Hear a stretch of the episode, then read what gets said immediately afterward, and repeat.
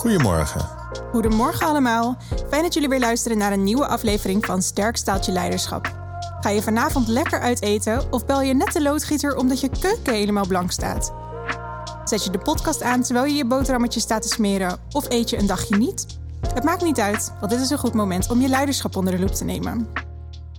Lijkt mij niet verstandig om niet te eten een dag. Dat is, schijnt goed voor je te zijn. Ja, om, oh, om te vasten. Ja, oh, dat kan het natuurlijk wel. Lijkt me wel een goed idee om je leiderschap onder de loep te nemen. anytime, anytime. En als we een beetje terugblikken naar vorige week en je bent daar dus serieus uh, op gaan reflecteren, dan heb je jezelf goed leren kennen. Of althans, dat was de tip die Alice meegaf. Uh, als het gaat om het krijgen van passie en plezier in dat wat je doet. Dingen zoeken die voor jou belangrijk zijn en die je als plezierig ervaart, om daar vervolgens uh, je leiderschap op te kunnen inrichten en ook de mensen om je heen mee te kunnen inspireren. Dat was het aanknopingspunt van de vorige aflevering. En dan nu deze week. Ja, want we gaan het hebben over persoonlijk leiderschap. En dat komt omdat in aflevering 3 Fikram met ons gedeeld heeft dat het noodzakelijk is om eerst jezelf te kunnen begrijpen en leiden om daarna anderen te kunnen leiden. En nou, dat vonden we op zich wel een mooie quote. En toen in de aflevering 5 kwam Iris een beetje met een vergelijkbare tekst aanzetten, namelijk dat leiders het meest intrinsiek gemotiveerd uh, hun mensen kunnen meenemen als ze op zoek gaan naar wat voor hen belangrijk is en een koppeling maken met de waarden die ze hebben. Ja. Toen was het dan een soort van oh ja moment en toen in aflevering 7 uh, kwam Alice daar nog overheen en die zei dat je keuzes moet maken waar je je tijd aan wil besteden, want het leven was kort. En ze zei je moet al die vampieren uit je, uit je leven verwijderen. ja. Uh, en ze zei dit is uh, eigenlijk ja, wel de rode draad in leiderschap. Ja, zo grappig hè, dat, dat dat dus ook steeds naar voren komt. Dus we hebben verschillende gasten en verschillende, over verschillende onderwerpen praten we met ze. Maar dat jezelf leren kennen en weten waar je zelf voor gaat en staat. En jezelf leiding kunnen geven. Uh, dat dat echt steeds naar voren komt. Ja, het is ook zo mooi voor iedereen die op dit moment nog dacht... nou, die mensen om mij heen, die snappen er helemaal niks van. Uh, dat je nu toch wel moet begrijpen dat je het echt bij jezelf moet zoeken... en aan de slag moet. Zeker. En ik weet nog dat ik heb in de eerste aflevering volgens mij verteld dat het eerste boek dat ik las, dat dat, nou niet het eerste boek dat ik las, dat zal waarschijnlijk Nijntje zijn geweest. Maar um, het eerste boek dat, dat ik las over leiderschap, uh, dat was The Seven Habits van Kofi. Ik las hem in het Nederlands, dus de zeven eigenschappen die jou succesvol maken. Of zeven eigenschappen effectief voor leiderschap. effectief leiderschap. Ja. En die eerste was gelijk een, een eye-opener. Dus wees proactief. En um, dus wees proactief betekent dat je neemt verantwoordelijkheid voor je eigen leven. En uh, dat hoeft niet per se te zijn dat, je, uh, dat het jouw schuld is. Maar je bent wel zelf verantwoordelijk voor hoe je daarmee omgaat. En dat was toen al zo'n eye-opener voor mij. Dat, dat dat het eerste is waarmee ik aan de slag ben gegaan. Hou deze vast, Michiel. Want vandaag in deze aflevering gaan we dus ook tien quotes of tien lessen uit van die persoonlijk leiderschapsboeken of persoonlijke ontwikkelingsboeken delen met onze luisteraars. Uh, dat scheelt je een hoop leeswerk, mocht je gewoon even de vruchten willen plukken. En anderzijds kan het ook zijn dat je denkt: hey, dit vind ik interessant, misschien moet ik dit boek juist wel gaan lezen. Uh, dus dat gaan we doen. Uh, en deel vooral ook jouw belangrijkste inzichten vanuit boeken die jij misschien gelezen hebt met ons. Want nogmaals, wij prediken niet alle informatie en kennis te weten. We zijn dit juist aan het doen uh, om te leren en te ontdekken. Dus deel met ons. Dat, uh, dat helpt ons ook weer. Ja. En voordat we die quotes gaan delen, ben ik even benieuwd, Michiel, wat is, wat is nou persoonlijk leiderschap? Voor mij denk ik dat het is dat ik leiding aan mezelf geef. Dus dat ik um, een idee heb van wat voor persoon ik wil zijn uh, of ben, of wat mijn potentieel is. En dat ik uh, mezelf in staat stel om, om dat te zijn of die persoon te zijn. Ja, en dus ook even op de rem kunt drukken als er dingen van buitenaf dat negatief beïnvloeden. Of... Ja. Nou, en dat gaat ook over energie, wat jij net zegt. En dat zei Alice natuurlijk vorige week ook, dat uh, je energie managen is ook een belangrijk onderdeel van leiderschap. Ja, het is niet als een zombie achter je teams blijven hangen. Nee. Word ik niet leuk van. Ja, ik dus wel. Ik vertel dan heel veel leuke grappen. Gooi er eens eentje in de mix dan. Want luisteraars denken echt, nou Michiel, zoveel grap heb je niet gemaakt. Dus wat maakt nou dat jij jezelf zo grappig vindt? Het is wit en als het uit je raam valt, is je cv-ketel kapot. Een cv-ketel? En er dan vooral zelf om lachen. Goed. We gaan eens even inzoomen op die quotes. Op die quotes uit uh, boeken. Ja. En de eerste uh, die voorbij komt is een, een boek wat, um, wat ik heel erg leuk vind om te lezen. is recent uitgebracht door Jan van Zetten en het boek heet Weet wat je zegt. En wat daarin gezegd wordt, uh, een van de dingen die mij aanspreekt, is gebruik vitaal. Je kunt met je taalgebruik je gedachten sturen. Mm Dus als je persoonlijk leiderschap wilt toepassen, let dan op wat voor taal je. Dus wat jij zegt, hè, verhalen vertellen mezelf, ga ik er nog in geloven. Dat heeft dus ook echt invloed op het realiseren van de dingen die je wilt realiseren. Ja, ja 100 procent. Ik doe ochtends, dat, dit is heel stom dat ik dit ga vertellen. Want ik, ga, of, ik vind het echt zo lullig. Maar ik heb dus in mijn iPhone, heb ik zeg maar, uh, affirmaties noemen ze dat. Heb ik zeg maar twintig zinnen ingesproken die uh, voor je mindset zijn, zeg maar. Mm -hmm. dus ik, Positieve affirmaties, ja, ja, bekend mee. Dus dan bijvoorbeeld, ik leef en eet gezond of ik ben gedisciplineerd. En dat duurt vijf minuten en dan elke ochtend dan luister ik dat. En ik ben ervan overtuigd dat dat, zeg maar, ook al... Uh, leven en eet ik op dit moment niet heel gezond. Dat zeg maar mijn. maar je voornemens zijn er. Ja, precies. Dus dat dat, dat dat helpt. Dus ja, daar ben ik het mee eens. Zullen we dan maar doorgaan naar jouw lievelingsboek, De Zeven Eigenschappen van Effectief Leiderschap van Stephen Covey? Dat is wel het boek dat ik het meest heb gelezen, ja. Dat is ook en het boek wat je het meest benoemd hebt. In deze podcast, ja. Ja, ja want het zou heel raar zijn als ik uh, mijn lieve gunsteling ga benoemen. Die, uh, wat een goede, wat een leuke roman is trouwens. um, maar de volgende quote, ik, ik zie hem niet op het scherm, maar ik weet hem dus uit mijn hoofd. Um, men moet zich niet afvragen wat de zin van het leven is, uh, maar beseffen dat, de, dat die vraag door hen gesteld wordt door het leven zelf. Hierop kan je alleen maar antwoorden door uh, verantwoordelijkheid te nemen voor je eigen leven. Klopt, ja. Die hoort bij de habit wees proactief. Verantwoordelijkheid nemen voor alles. Uit mijn hoofd, hè? Heel knap, ja. Zit die in je mantra-spreuk van vijf minuten? Nee, nee, oh, zit er niet op. Hm. Maar ik weet nog dat dit is een heel mooi voorbeeld in dat boek. En dit gaat dus over proactiviteit, dus zelfverantwoordelijkheid nemen. En het gaat over een uh, Joodse psycholoog, uh, schrijver en psycholoog, die in de Tweede Wereldoorlog in een uh, strafkamp werd gezet, of in mm -hmm. een concentratiekamp werd gezet. Ja. En die daar mensen heel erg hielp om zeg maar, daarmee om te gaan. En hij leerde ze dus van, ook al zit je in deze verschrikkelijke situatie, hetgeen wat ons onderscheidt van dieren is dat wij kunnen kiezen hoe we hierop reageren. Ja. En uh, door er zeg maar, zo goed mogelijk mee om te gaan, of je probeert je eigen waardigheid, of nee, je eigen waardigheid mm te houden, niet proberen, kan je hier dus sterker uitkomen.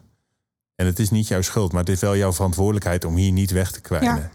Je kunt op, op, op, dat soort momenten, als je ervoor kiest om die houding aan te nemen, die verantwoordelijkheid te nemen, kun je ook gaan spelen met de situatie. Ja. Dus ik kan me allemaal wel, jullie kunnen je allemaal wel een voorbeeld indenken waar je in een conflict belandt. Hè? Dus jij vindt iets, de ander vindt iets en uh, je, je, botst een beetje en er gaat iets mis.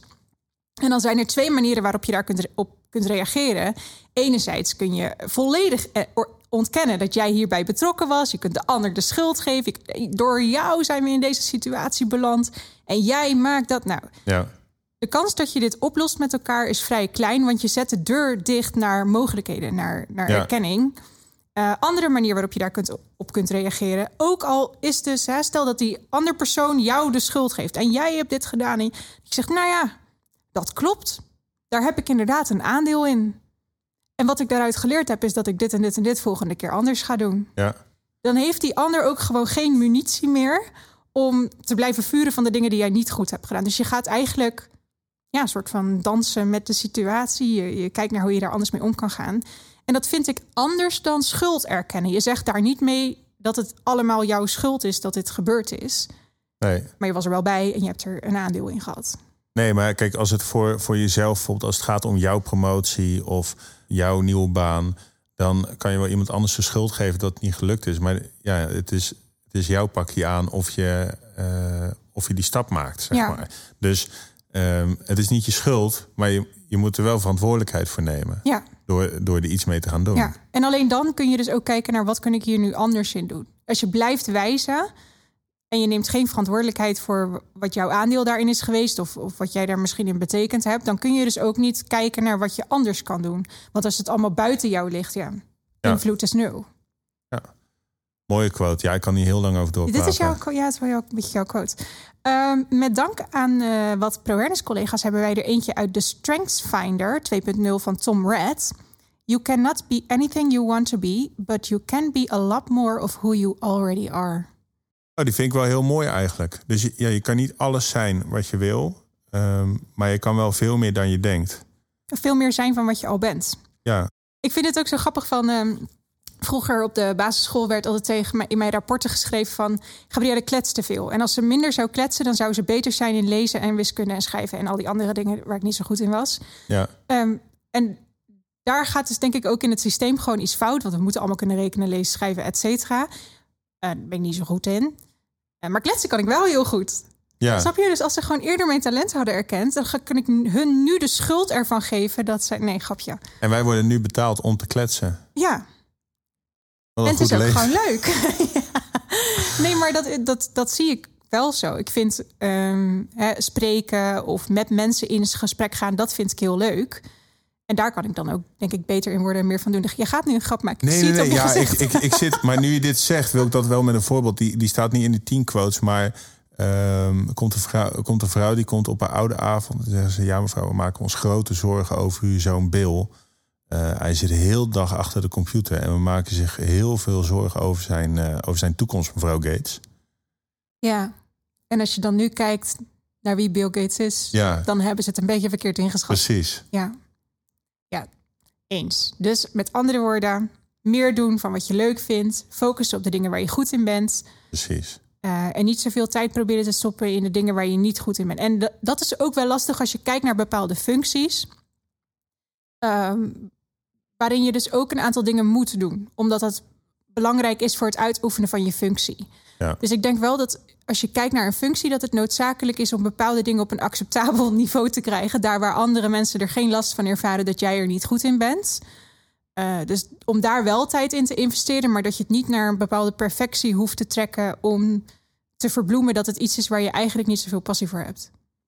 Ja, ik had hiervoor had ik een manager en die gaf altijd heel duidelijk aan.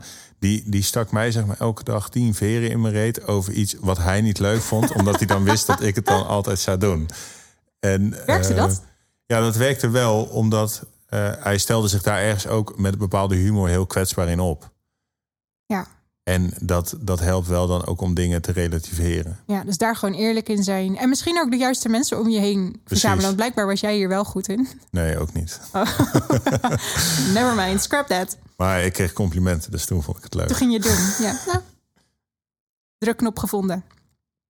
Hey, een ander boek wat, wij, eh, eh, wat we gelezen hebben en waar we mooie inzichten uit gehad hebben. Uit dit boek hebben we twee inzichten gehaald. Is De meeste mensen deugen van Rutger Bregman. Ja, En de eerste is bij twijfel ga uit van het goede. Ja, ik vond dit een heel goed. Ik heb hem niet gelezen, ik heb hem geluisterd, deze. Maar ik vind dit een hele mooie als het gaat om persoonlijk leiderschap. ehm, geeft deze, denk ik, een positief beeld.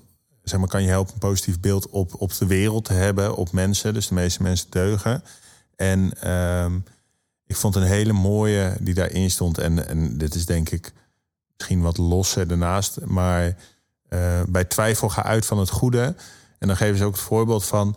ehm, als jij elke dag, als je op vakantie bent of in het buitenland bent, bang bent dat je wordt eh, gezakkerold, ehm, dan zal het misschien één keer gebeuren. Maar dan is het denk ik erger dat je voor de rest zeg maar altijd daarmee bezig was als je op vakantie was. Ja, Dus je kan beter accepteren ehm, dat het twee keer gebeurt, dan dat je altijd maar blijft twijfelen over wat als het eh, fout gaat. ja, En ehm, wat zegt het voorbeeld dus van je kan beter mensen vertrouwen en het een paar keer bij het verkeerde eind hebben, dan dat je mensen nooit vertrouwt en het eh, en je dus ook niet open staat voor fijne, mooie, echte relaties. Ja, en een ja. beetje krampachtig met je tas onder je arm blijft lopen over de Spaanse markt. precies, precies.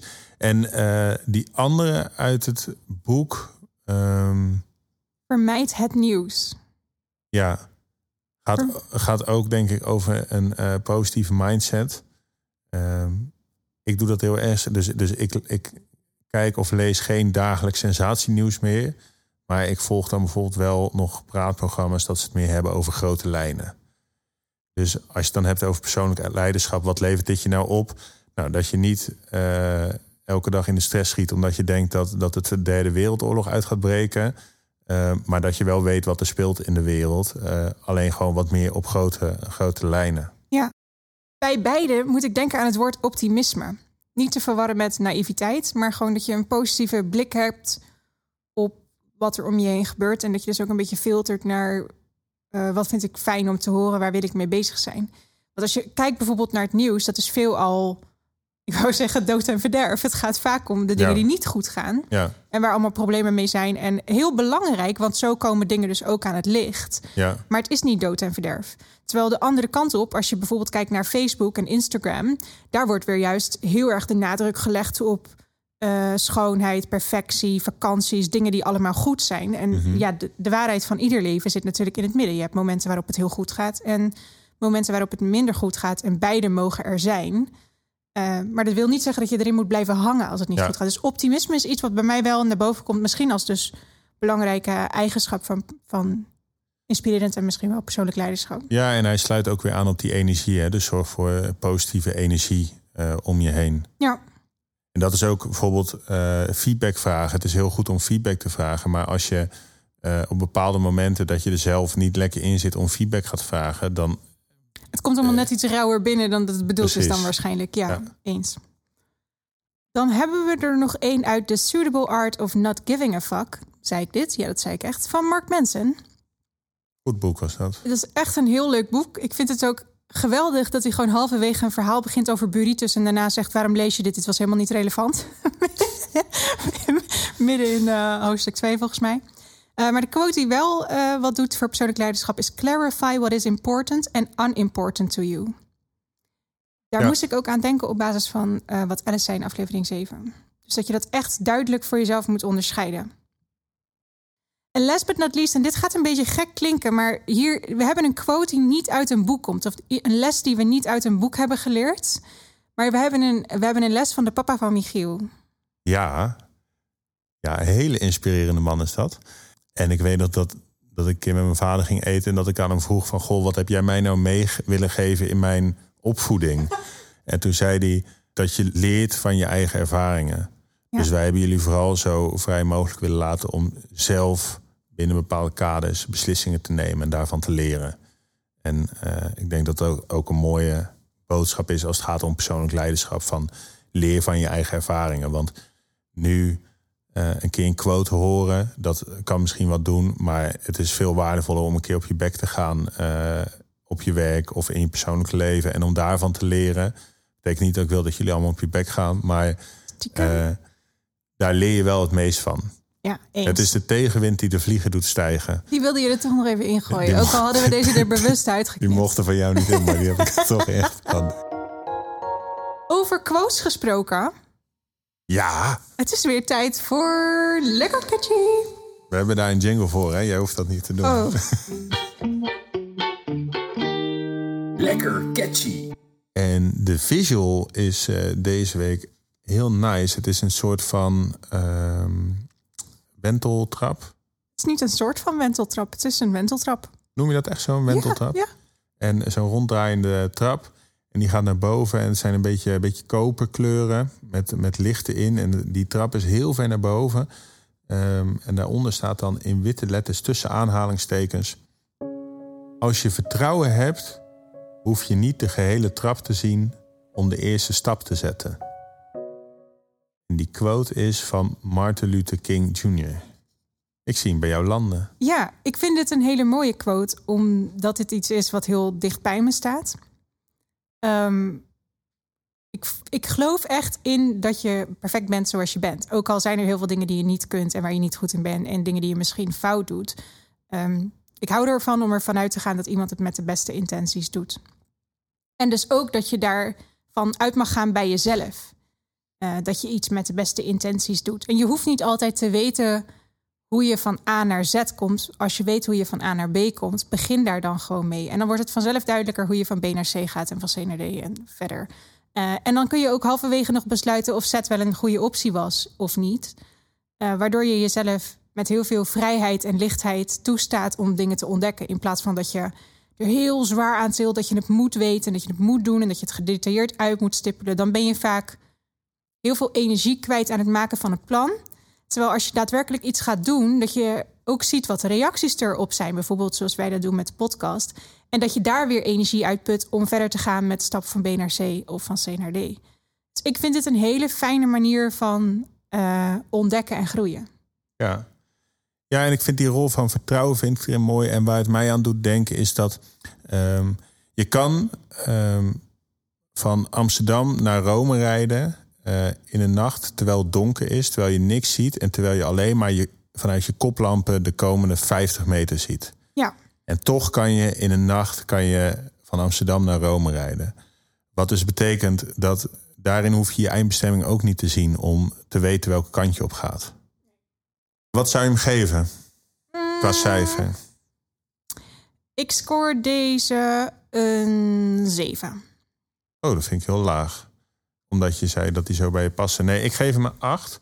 En wat er aan mij, van mij mijn verbeterd voorstel zou zijn, is als ze um, het vertrouwen zeg maar iets uit zouden diepen van als je vertrouwen hebt in jezelf of iets. Omdat nu staat er als je vertrouwen hebt, hoef je niet de gele trap te zien om de eerste stap te zetten.